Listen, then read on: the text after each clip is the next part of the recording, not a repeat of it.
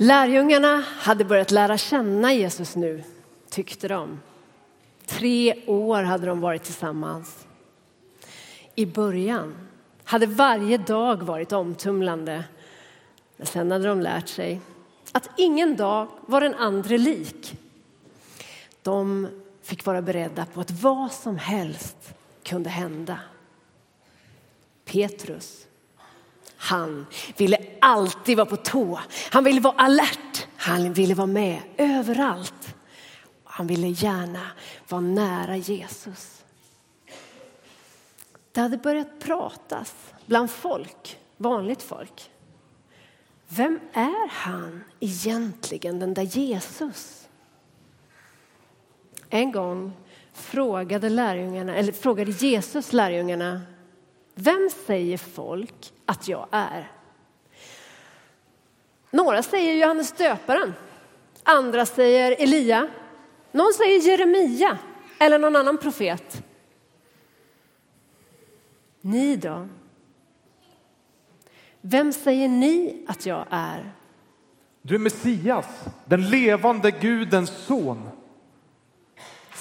Jesus svarade, salig du Simon. För ingen av kött och blod har uppenbarat det här för dig, utan min fader i himlen. Jag säger dig Petrus, du är Petrus, klippan. Och på den klippan ska jag bygga min kyrka. Och dödsrikets portar ska inte få makt över den. Och jag ska ge dig nycklarna till himmelriket. Han ska bygga på mig. Han ska bygga på mig. Förstår ni? Jesus har kommit och han drar fram med all sin kraft. Det är så många som blir omvända av hans vishet. Det är så många sjuka som blir friska och helade och så många blir upprättade. Guds rike, det kommer ju nu och jag får vara med. Jesus har sagt att, han ska, att jag ska vara någonting att utgå ifrån. Jag har ju känt det en tid, men det, varje gång jag har försökt formulera det så har orden kommit ut så, så fåniga och så kraftlösa. Och Jesus han är ju här, han är ju en människa nära mig. Han äter och han sover och han skrattar. Men han är ju också Guds son och det är det jag har känt och svaret bara bubblade ur mig när han frågade vem han var. Och jag såg ju att de andra, de, de häpnade över mitt snabba svar. Men sen förstod ju de också. Jag vill vara med, jag vill stå längst fram, jag sträcker mina händer. Inget annat betyder någonting längre. Räkna med mig. Jag kommer vara trofast. Jag kommer vara en klippa. Under en tid gick Petrus i ett lyckorus. Han var alltid först och svara på alla frågor. Han var alltid med överallt och han ville gärna sitta nära Jesus. Så var det dags att fira påsk. Petrus och de andra hade bokat ett rum. De hade köpt mat och dryck och ställt i ordning rummet riktigt fint. Påsken var en stor och viktig högtid och Petrus var laddad för fest. Men det blev inte riktigt som han hade tänkt.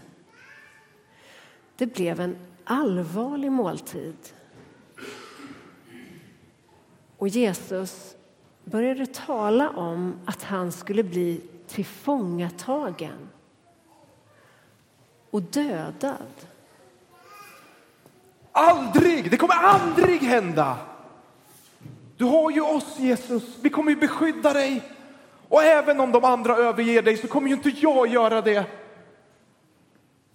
Petrus, innan tuppen hinner gala imorgon bitti kommer du ha förnekat att du känner mig tre gånger.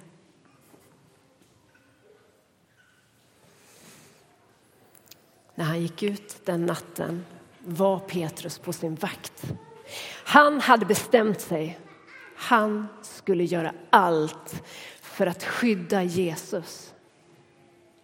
Han skulle vara den där klippan som man kan lita på och som håller vad han har lovat. De gick till en plats där de ofta brukade vara, Getsemane. En vacker trädgård. Men ikväll var det kallt. Nästan lite kusligt. Var väntade faran? Plötsligt var de där med svärd och påkar för att ta Jesus till fånga. Petrus reagerade direkt. Han drog sitt svärd och slog mot en av tjänarna. Han träffade örat. Vad var det som hade hänt? Det blev plötsligt alldeles tyst. Jesus tog helt stilla och rörde vid mannens öra och det blev läkt. Sedan lät han dem ta honom till fånga. Petrus suckade. Han hade ju försökt. Han såg följet försvinna bakom ett krön. Han måste springa efter. Han kanske kunde skydda Jesus på något annat sätt. Han sprang i fatt, men var noga med att ingen skulle se honom. De förde Jesus till översteprästen Kajafas hus. Utanför hade någon gjort upp en eld. Petrus smög fram till elden för att värma sig och för att kanske kunna få en skymt av Jesus och vad som hände där inne. En tjänstekvinna fick syn på Petrus där han satt i eldskenet. Hon sa till en av sina vänner Den där mannen, han var också med dem. Med honom, med Jesus alltså. Nej, jag känner honom inte. Du, du tillhör väl också en av dem som var med den där Jesus? Nej, det gör jag inte. Visst var han med Jesus? Han är, man ser det ju på honom, han är ju från Galileen. Jag förstår inte vad du pratar om.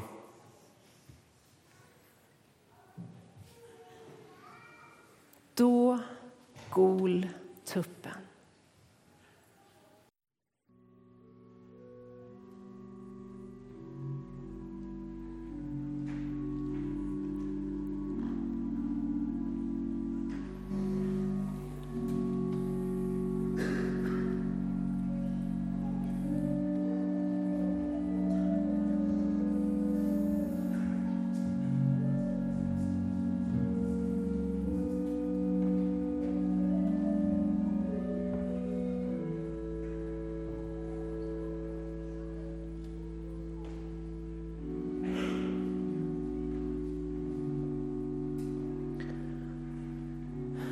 Vilja, att vilja mycket.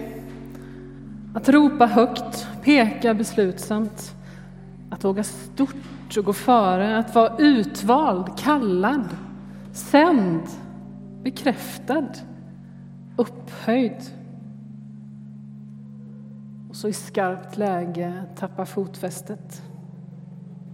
Att kanske en gång ha vågat bejaka ta hans ord i sin mun om vem man skulle vara och hur man skulle tjäna. Och så falla handlös när han ser på. Att plötsligt finna sig själv vid sidan om, bredvid det centrumet som man har fått vara med att en gång skapa. Att kanske ha fallit för sitt eget högmod för att man såg sig själv som lite mer än de andra. Bekräftad av kallelsen och framgången, berömmet. Kanske var det svårt att till slut minnas vem som gav kallelsen och ur vems nåd allt kommer. Att helt plötsligt vakna till och se hur de stora orden inte har någon täckning. Att i misslyckandet få sin identitet och sin stolthet helt raserad. Finns det någon som vill plocka upp spillrorna då?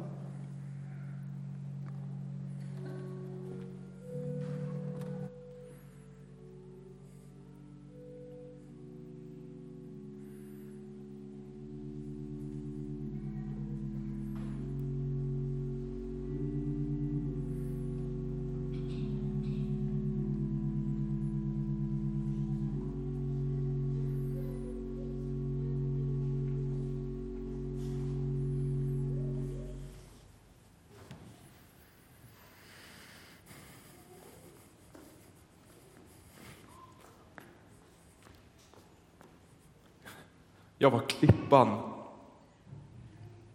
Klippan. Och nu en klippa helt full av sprickor och marken skälver och allting blir till grus.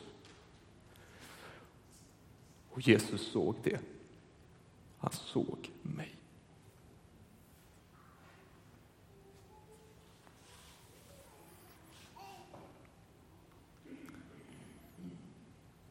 En ledare i Guds rike ska vara som en tjänare, sa han.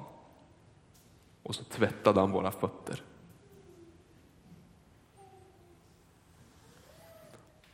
Han var ju Guds rike. Allt han predikade, så levde han. Och nu har han tagits ifrån oss. Och jag, jag trodde att ingen skulle kunna stoppa honom. Det var ju ingen som vågade. Och han var ju helt orädd. Och nu är han fängslad och förmodligen på väg mot sin död. Han trodde det i alla fall. Jag vet inte. Jag har flytt. En av hans ledare eller tjänare. Det spelar ingen roll. Jag är ingenting.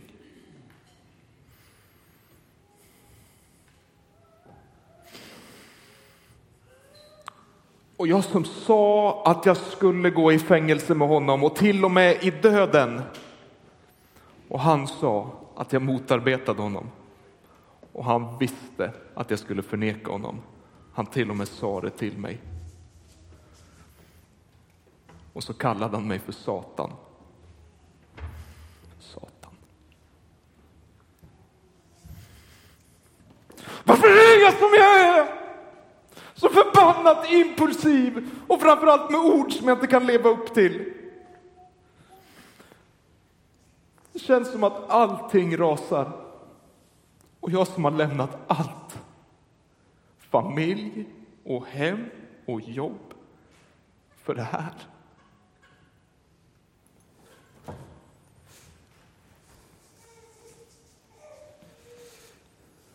Jesus dog och allt var slut. Men döden kunde inte hålla honom kvar. Efter tre dagar uppstod han. Och Petrus fick träffa honom igen. Han var uppstånden, men ändå var ingenting som vanligt. Han var levande, men ändå var han inte hos dem alltid som han hade varit förut. Petrus och de andra hade fått träffa honom två gånger. Och de visste inte om de skulle få träffa honom igen. Och när. Vad skulle de göra? Skulle de ge sig ut och fiska igen? Det var ju det enda de kunde. Så de gav sig ut. Men de fick ingen fisk. Då kom det en man gående på stranden. Han ropade ut till dem. Har ni fått någon fisk? De svarade att det hade de inte. Han sa till dem. Lägg näten på andra sidan båten. Och näten blev fulla med fisk och de förstod att det var Jesus. Hjärtat började banka. Petrus kastade sig ut i vattnet och simmade in mot stranden.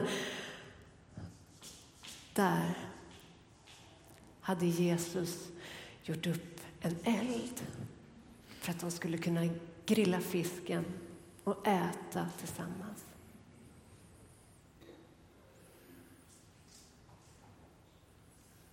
Jag borde vara glad. Jag är glad. Men ändå. Det är någonting mellan mig och Jesus. Det är som en oro som finns i kroppen, en ängslan som inte försvinner. Jesus vet ju att jag övergav honom i Jerusalem, men vi har inte, vi har inte pratat om det.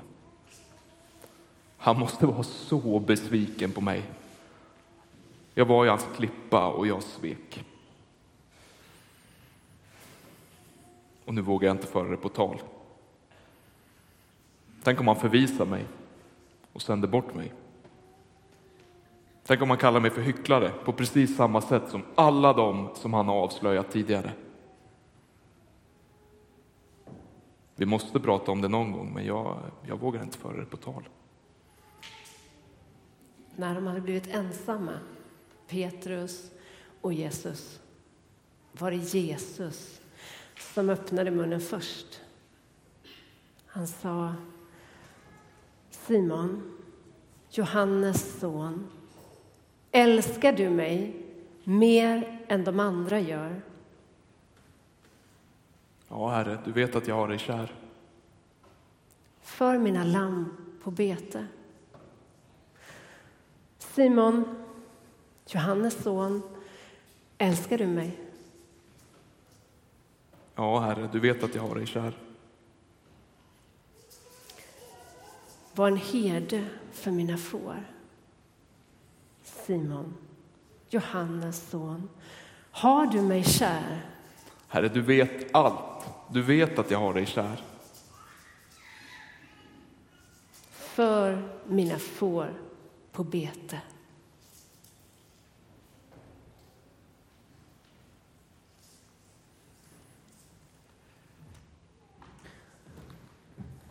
Vad är det Jesus bekräftar i våra liv? Vad är det Jesus bekräftar i Petrus liv? Vad är det Jesus bekräftar hos Petrus denna dag på stranden? Bibeltexten är ju som vanligt ganska sparsmakad på detaljer. Vi får inte veta särskilt mycket. Vi får en kort inblick hur den här tiden efter Jesu uppståndelse var för Petrus. Det verkar ju som att hela den här händelsen har hamnat liksom i tystnad, i någon sorts radioskugga. Petrus verkar ha stängt om sitt nederlag och hur plågsam måste inte den tystnaden varit? Om Jesus hade varit lite mer som vi, eller i alla fall som jag, så kan jag tänka mig tusentals inledningar på det där samtalet på stranden. Till exempel, Petrus, vi har ett problem nu. Ditt förtroende, det måste du förstå det, är ju helt kört i botten. Jag behöver se mig om efter en annan klippa. Petrus, det jag har tänkt för den här världen är tyvärr alldeles för avgörande för att jag skulle våga lägga det i händerna på dig. Petrus, jag varnar ju dig. Hur kunde du inte se det komma? Varför såg du inte vart det barkade den där kvällen? Petrus, du av alla, du som visste vem jag var. Kanske om det hade varit någon av de andra, men du. Petrus, jag visste att jag inte kunde lita på Judas. Men jag hoppades på betydligt mer från dig. Petrus, anta att du ändå skulle få en andra chans. Hur kan du garantera och säkra upp att något liknande aldrig mer händer? Men nu är ju inte Jesus riktigt som jag. Hans stora fråga blir istället Petrus, älskar du mig? Och I den dialog som följer, i allt det där som Jesus utelämnar, så är det som att han säger Min specifika kallelse till dig står kvar. Jag vet mycket väl vad som hänt. Jag var där. Men uppdraget kvarstår. Om du vill. Men älskar du mig? Vad är det Jesus bekräftar hos Petrus? Ja, det verkar inte vara hans förträfflighet, hur unikt unik han är eller att han skulle vara så där fullständigt perfekt för uppdraget. Det verkar som att Jesus söker hans hjärta, att han vill ha en relation med Petrus. Älskar du mig? För i så fall vill jag sända dig. Det älskande hjärtat, Petrus, är vad jag vill se. Petrus, du trodde att du fick liksom en utmärkelse när du blev kallad för klipp klippan. Att det var en bekräftelse på vem du är och att du skulle vara en klippa mer än de andra. Men jag ser vem du är och jag vill sända dig att bli en klippa. Ditt svek gör det nu förhoppningsvis omöjligt för dig att tänka att du är mer klippa än de andra. Men det gör det inte omöjligt för mig att ge dig uppdraget att bli en. En dag när jag och min man Thomas var ganska sådär nyihopa så sa han som han ofta sa, jag älskar dig. Och jag ville dra ut lite av det här ögonblicket. Jag sökte bekräftelse och jag svarade, varför då? Och då fick jag svaret, precis så krast krasst som kanske bara Thomas kan. Ja, när vi har gift oss kommer det vara för att jag har lovat. Det var inte precis vad jag eftersökte precis då. Men i det långa loppet så är det få saker han har sagt som jag kommer ihåg så väl. Om han istället hade sagt ja, men det är för att du är mycket mer underbar än alla andra. Vad hade då hänt alla de tusentals dagar som jag inte är mer underbar än alla andra? Vi har ett sånt behov av bekräftelse. Och det är som att vi vill bekräfta det, att vi liksom är mycket mer än alla andra. Att vi är speciella, att vi är unika på ett unikt sätt som ingen annan. Som gör att vi sticker ut, som gör oss lite upphöjda. Och det där är så lätt att jaga. Och om man jagar det så kan det hända minst två saker. Det ena är att man blir lite högmodig och det andra är att man blir ganska knäckt. Och I vilket fall som helst så har man gått vilse. Vi faller ofta i den fällan att det liksom är mindre romantiskt att vila helt enkelt i någons ja än att hela tiden få höra ah, du är awesome, du är liksom finast, vackrast. För ett antal år sedan, inför uppstarten av ett ny, nytt arbetsår så brottades jag extra mycket med hela tanken på att jag jobbar i församling och gör det jag gör. Det handlar om att räcka till, duga, vara tillräcklig, orka. Och jag hade nog samma inställning i det där mötet med Gud som jag hade haft i den där lilla sekvensen med min man. Så Gud, du har kallat mig alltså. Varför då? Det finns ju så många andra. Och bakom de orden tickade den där bekräftelsejakten så tickade den där önskan om ett särskilt Guds tilltal. Och jag hoppades att det skulle lyda Jo, vet du varför jag har kallat dig? Du är helt grym på detta. Det finns ingen som du, du är exakt rätt person. Utan dig skulle det inte gå. Guds svar blev istället Ja, men jag frågade dig och så sa du ja. Som att han menade, givetvis finns det andra. Bekymra dig inte så mycket om det. Bekymra dig inte så mycket om dem. Vi kan väl ha vår grej. Vi kan väl inse att allt inte är perfekt, men glädja oss över vår gemenskap och vår ömsesidiga kärlek. Där jag får glädja mig över att du växer och du får glädja dig över att jag går med. Kan vi inte bara gå in i det med öppna ögon? Allt är inte perfekt, och du kommer misslyckas, falla rent av, svika mig, bli ledsen, glad, frustrerad, överlycklig. Du kommer tvivla, du kommer vara övertygad. Men det enda jag har frågat är, vill du? Och du sa att du ville. Jesus drar oss alla till sig. Han gör det med dig och mig. Han älskar oss för att han inte kan något annat. Han är kärlek. Det är den villkorslösa kärleken som han drar in dig och mig. Och det är där vi får ge tillbaka vår kärlek till honom.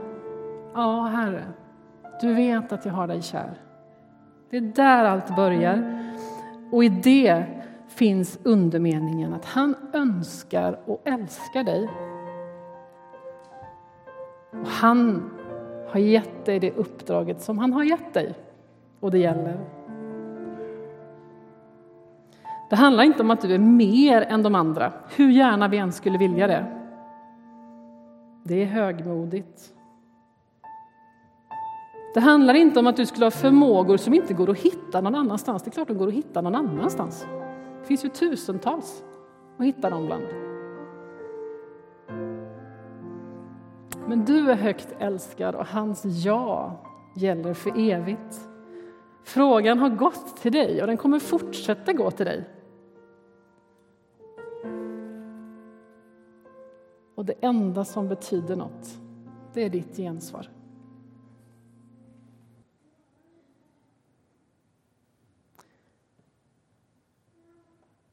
Vi är alla nu välkomna med våra liv som de ter sig in i hans liksom, närhet på ett personligt sätt. In i bön tillsammans, in i tillbedjan. Och du vet vad du sitter med. När vi gjorde en bild till det här temat så gjorde vi en bild med en sprucken spegelbild. Visst är det så många gånger att vi ser liksom inte riktigt oss när vi speglar oss. För det är så sprucket, det är liksom blurrigt, det är oklart. Men du kan få ställa dig liksom som framför Guds spegel.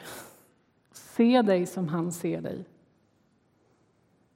Och det kan du få göra väldigt konkret. För inne i vårt bönerum så står där en spegel. Om du vågar ställa dig framför den så kommer någon läsa för dig vad det är Gud ser. Gör gärna det. Där finns också våra förebedjare. Du kan gå dit med precis vad du vill. Jag tänker också att allting inte bara händer plötsligt en söndag förmiddag. Jag vill bara påminna om att man kan få samtal i den här församlingen med goda lyssnare, lyssnande medmänniskor. Kanske behöver du böja knä här med liksom din, din invändning, liksom ditt paket. Och som alla andra gudstjänster så får man också be för det som ligger utanför oss själva. Man får be för världen. Man får tända ett ljus och be för någonting som ligger utanför oss själva. Man får skriva ett namn på någon som man vill se sig komma till tro och lägga i den där urnan. Allt det kan du också göra. Och vi ska vara inför Gud i tillbedjan och lovsång. Jesus frågar, har du mig kär? För i så fall, låt oss stå upp. Jesus, vi lägger den här stunden i dina händer. Herre, du vet hur våra liv ter sig. Du vet att det kanske finns sprickor som vi dras med liksom, och som vi inte längre vill dra runt på. Du vet alla våra förebråelser, du vet när vi gick vilse, du vet när vi inte levde upp till vad vi själva ansåg vi skulle leva upp till.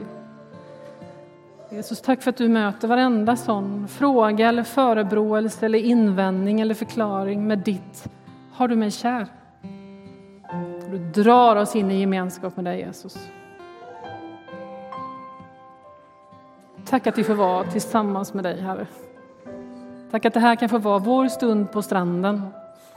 Vi får sitta ner med dig, se dig i ögonen